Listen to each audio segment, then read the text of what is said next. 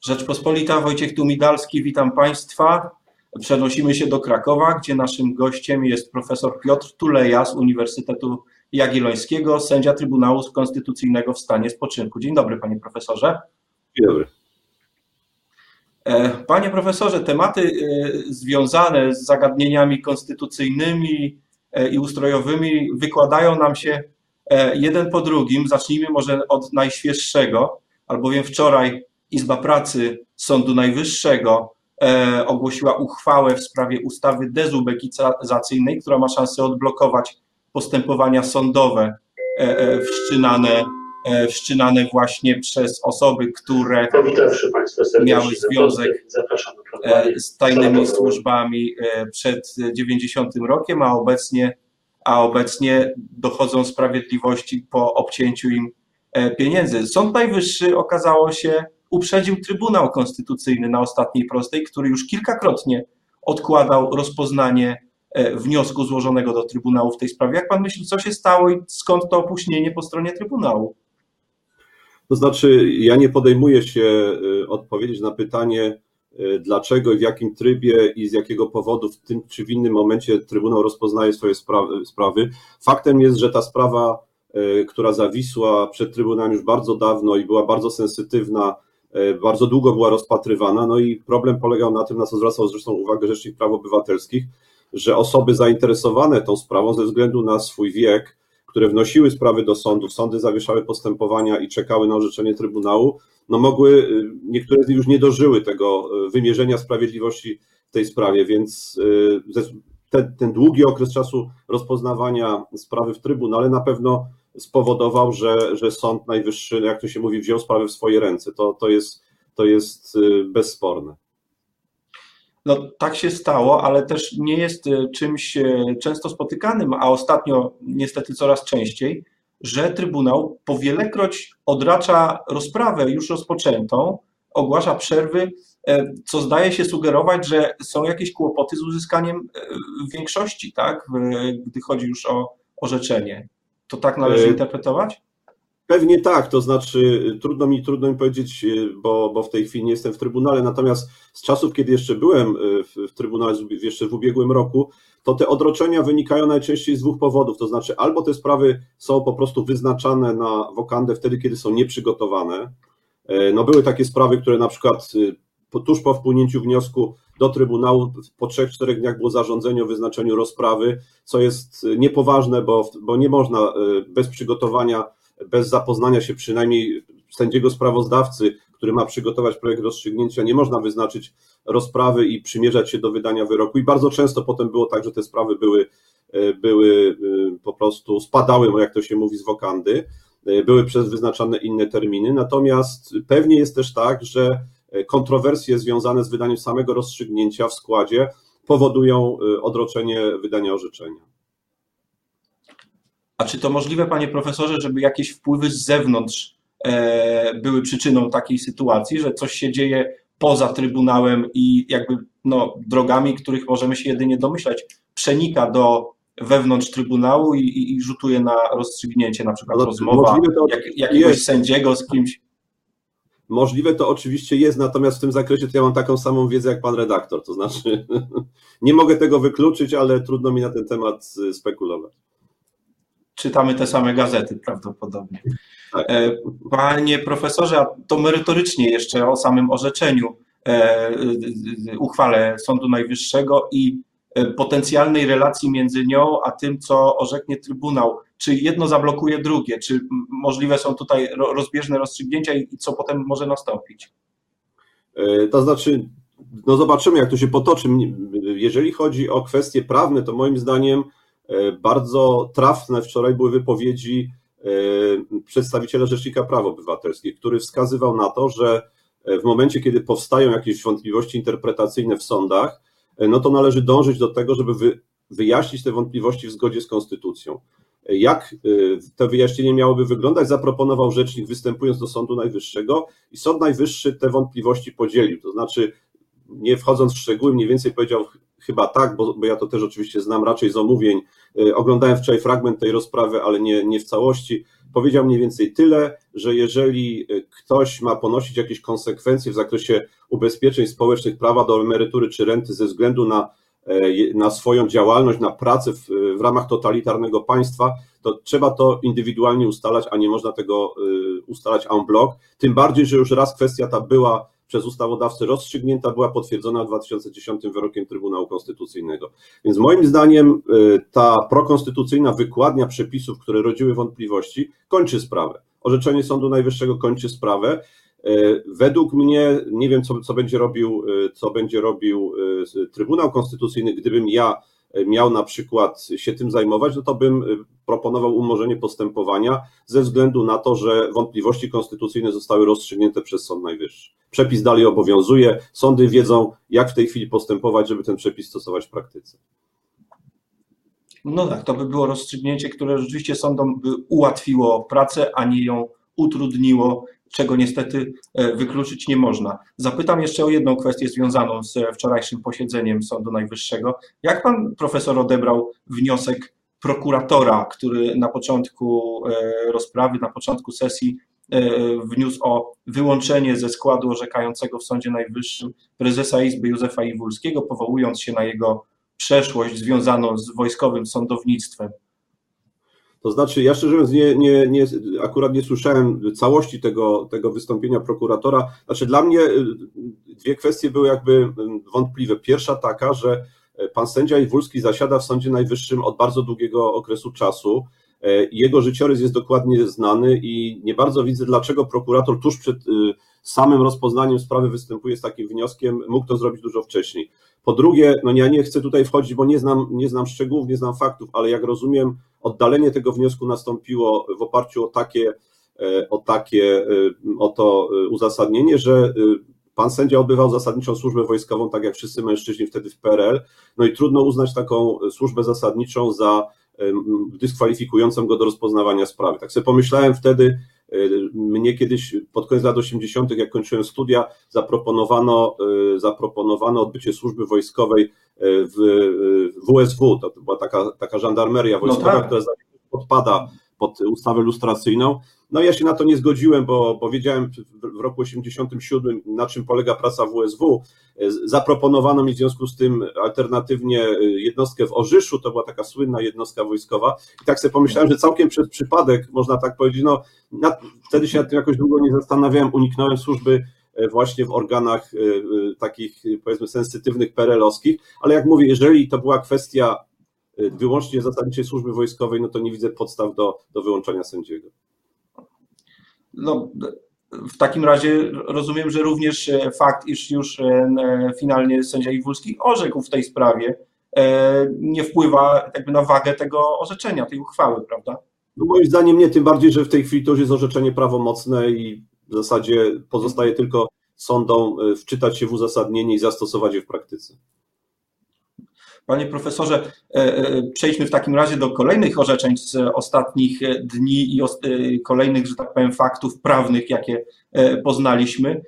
Dowiedzieliśmy się mianowicie, że premier Morawiecki, składając do Trybunału Konstytucyjnego wniosek związany z ustawą covidową, oczekiwałby, aby artykuł kodeksu cywilnego dotyczący odpowiedzialności państwa e, za, za szkody e, e, rozumieć w ten sposób, że ilekroć sąd chciałby taką odpowiedzialność po stronie państwa stwierdzić i zasądzić odszkodowanie, w pierwszej kolejności musiałby o to zapytać Trybunał Konstytucyjny, jak rozumiem, ubezwłasnowalniając sądy w ten sposób trochę.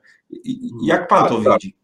E, tak, to znaczy ja powiem tak, że ten wniosek ma kilka takich płaszczyzn i e, komentując go warto zacząć od, e, można tak powiedzieć, jego zakończenia. Mianowicie w zakończeniu tego wniosku premiera jest takie sformułowanie, że premier wnosi ten wniosek w trosce o obywateli, o zasadę zaufania obywateli do państwa, ponieważ teraz sytuacja jest taka, na gruncie artykułu 417 z indeksem pierwszym kodeksu cywilnego, że obywatele nie są pewni, czy jeżeli chcą występować do odszkodowania w związku z rozporządzeniami covidowymi, to mogą występować do sądu i sąd stwierdzi najpierw niezgodność z prawem takiego rozporządzenia, ewentualnie stwierdzi, a potem zasądzi odszkodowanie, czy najpierw konieczne jest orzeczenie w tej sprawie Trybunału Konstytucyjnego i, e, i wtedy dopiero można, ono by otwierało ewentualnie drogę do sądu. Otóż taka przewrotność tego, tego uzasadnienia polega na tym, że jeżeli Trybunał Konstytucyjny uwzględniłby wniosek premiera, to bardzo utrudniłby wszystkim przedsiębiorcom, wszystkim innym osobom, które by chciały dochodzić tych odszkodowań, E, w praktyce ich możliwości ich dochodzenia, bo wtedy wiadomo byłoby, że trzeba wystąpić do Trybunału. W przypadku osób e, fizycznych to jest niezwykle trudna droga, bo to wymagałoby prawdopodobnie najpierw e, uzyskania jakiegoś orzeczenia sądowego odmawiającego prawa do odszkodowania, uprawomocnienia się tego, czyli przejścia przez całą procedurę sądową, przez całą drogę odwoławczą i dopiero wystąpienia ze skargą konstytucyjną do Trybunału, która też byłaby skomplikowana. W chwili obecnej e, sytuacja wygląda w ten sposób, że sądy mogą, e, stosując ten przepis, e, mm, kiedy ktoś wystąpi o odszkodowanie, same rozstrzygać, czy takie rozporządzenie jest zgodne z prawem, czy nie, i czy ono wywołało szkodę w rozumieniu artykułu 77 Konstytucji. Więc przewrotność tego wniosku polega przede wszystkim na tym, że w trosce o literalnie y, w artykułowanej trosce o obywateli chce się im bardzo utrudnić prawo do odszkodowania. To jest jakby jeden aspekt tego. Drugi aspekt to jest aspekt ustrojowy, to znaczy pytanie o to, czy sąd może odmówić zastosowania rozporządzenia i e, samodzielnie uznać je za niezgodne z konstytucją, odmówić jego zastosowania, a w końcu uznać je za źródło szkody.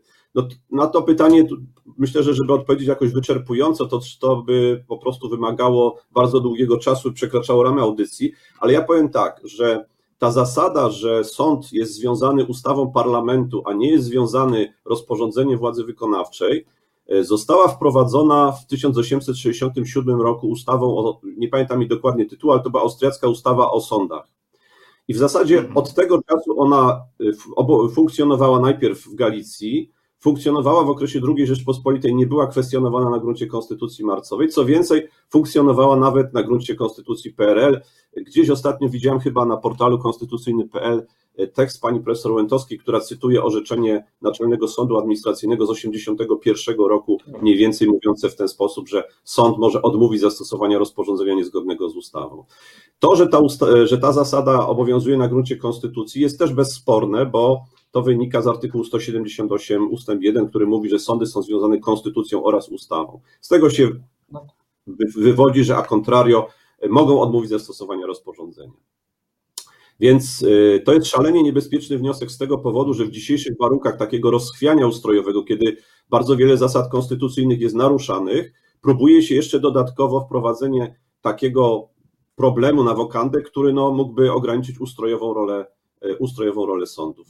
Y, oczywiście na samym końcu pojawia się też pytanie, czy nie ograniczając tego prawa sądów w ogóle, czy, bo jak rozumiem, taka jest intencja premiera, czy nie zrobić tak, żeby tylko w przypadku artykułu 417 z indeksem pierwszym e, wprowadzić taką zasadę, znaczy wywieźć taką zasadę chyba z konstytucji, bo tego chyba oczekuje premier, e, i zawęzić e, zakres zastosowania tego przepisu, że sądy wprawdzie mogłyby odmawiać stosowania rozporządzeń, ale w sprawach o odszkodowania nie mogłyby tego robić po to, żeby uznać rozporządzenie źródłem szkody i zasądzić odszkodowanie. I tu oczywiście można by na ten temat dyskutować, e, tyle tylko, że moim zdaniem nie da się zrobić tego, tej operacji, którą proponuje premier w taki sposób, żeby wyabstrahować z systemu prawna, prawnego jedną sprawę, w której sądy nie mogą odmówić zastosowania rozporządzenia, a w innych pozostawić. Def, summa summarum, wniosek ten zmierza do e, ograniczenia pozycji sądów i do ograniczenia prawa do odszkodowania za niezgodne z prawem działania państwa.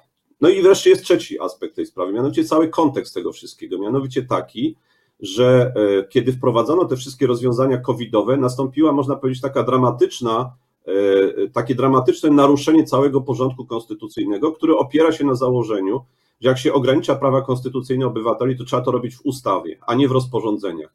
W zasadzie ta, to zostało całkowicie zlekceważone na wielu polach, na wielu płaszczyznach. Można powiedzieć, że nasz system prawny całkowicie stanął na głowie w, od strony faktycznej. Rozporządzenia stały się głównym źródłem prawa, a czasami nawet nie tyle rozporządzenia, co na przykład strony internetowe poszczególnych ministerstw, gdzie minister ogłaszał, co on tam uważa na temat tego rozporządzenia. No i prawnicy wtedy mówili, ostrzegali, że to jest niezgodne z konstytucją, że jeżeli powstaje taka sytuacja nadzwyczajna, trzeba było wprowadzić stan nadzwyczajny, na przykład stan klęski żywiołowej, wtedy wprowadzić szczególne ustawodawstwo. To wszystko byłoby lege artis i byłoby zgodne z konstytucją. No i stąd nie dziwią mnie komentarze, które mówią, że premier ten wniosek złożył z powodów czysto instrumentalnych tylko po to, żeby y, uchronić skarb państwa przed możliwymi odszkodowaniami, które były od razu mm. możliwe do przewidzenia. No tak, ale teraz zdaje się, pan premier ma kolejne kłopoty. Już mamy niewiele czasu na dyskusję na ten temat, ale nieprawomocne orzeczenie Wojewódzkiego Sądu Administracyjnego w Warszawie stwierdziło, że nie dość, że kwestie tych odszkodowań, które mogą w przyszłości zawisnąć w sądach, zdaje się, że właśnie e, zaczynała się fala e, wpływających skarg na rozporządzenia covidowe, ale wręcz organizacja wyborów, niektórzy twierdzą, że nie wyborów, tylko plebiscytu, E, została uznana za bezprawna, no a konkretnie, a konkretnie polecenie wydane w trybie przepisów covidowych Poczcie Polskiej, by je zorganizować. Jakie tego mogą być konsekwencje? E, mamy niewiele czasu na odpowiedź na to pytanie, ale jednak spróbujmy. E, ja po pierwsze polecam wszystkim oglądnięcie transmisji z ogłoszenia tego orzeczenia. To jest bardzo pouczające, że tak powiem, transmisja. Co do samego sądu, to krótko powiem tylko tak. Z jednej strony jest to orzeczenie fundamentalne, konstytucyjne. To będzie na pewno w podręcznikach, w komentarzach prawa konstytucyjnego e, orzeczenie, które, które będzie wielokrotnie analizowane i podawane, e, to, które zapadło, no bo sąd tak naprawdę nie mógł inaczej orzec. Więc z jednej strony jest to orzeczenie fundamentalne, ono rozstrzyga wiele fundamentalnych kwestii, z drugiej strony od strony takiej prawniczej, rozumowań prawniczych jest to orzeczenie szalenie proste. Po prostu ono opiera się na takim prostym założeniu, że jeżeli organ działa bez podstawy prawnej, a tak działał premier, wydając decyzję 16 kwietnia 2020 roku, niejako antycypując ustawę, która weszła dopiero w życie w maju i wtedy ta podstawa prawna powstała, no to, y, to jest to niezgodne z prawem. Jakie będą tego skutki? Skutki mogą być wielorakie i na wielu płaszczyznach. E, oczywiście to wszystko zależy od tego, e, czy nasze państwo będzie w stanie w ogóle jakiekolwiek skutki działania e, rażąco naruszającego prawo egzekwować. No bo to jest kwestia wątpliwa z wielu powodów, raczej notoryjnie wszystkim znanych. Po pierwsze, to może być podstawa do postępowania przed Trybunałem Stanu, zarówno dla premiera, jak i dla ministra. Po drugie, to może być y, rozważana odpowiedzialność karna z artykułu 231. No i po trzecie, mogą to być różnego rodzaju roszczenia y, majątkowe, cywilnoprawne związane z całą tą operacją y, wyborów kopertowych, które bez podstawy prawnej próbowano zorganizować, na końcu które się nie odbyły. Ech, no to jeszcze będzie o czym porozmawiać, ponieważ wszystkie te działania w dającej się lub nie dającej się niestety przewidzieć rzeczywistości e, mogą nastąpić i pewnie do tego wrócimy. Bardzo dziękuję za dzisiejsze spotkanie. Profesor Piotr Tuleja, Uniwersytet Jagielloński, sędzia Trybunału Konstytucyjnego w stanie spoczynku, był dzisiaj naszym gościem. Wojciech Tumidalski, do zobaczenia. Dziękuję bardzo. Dziękuję, do widzenia.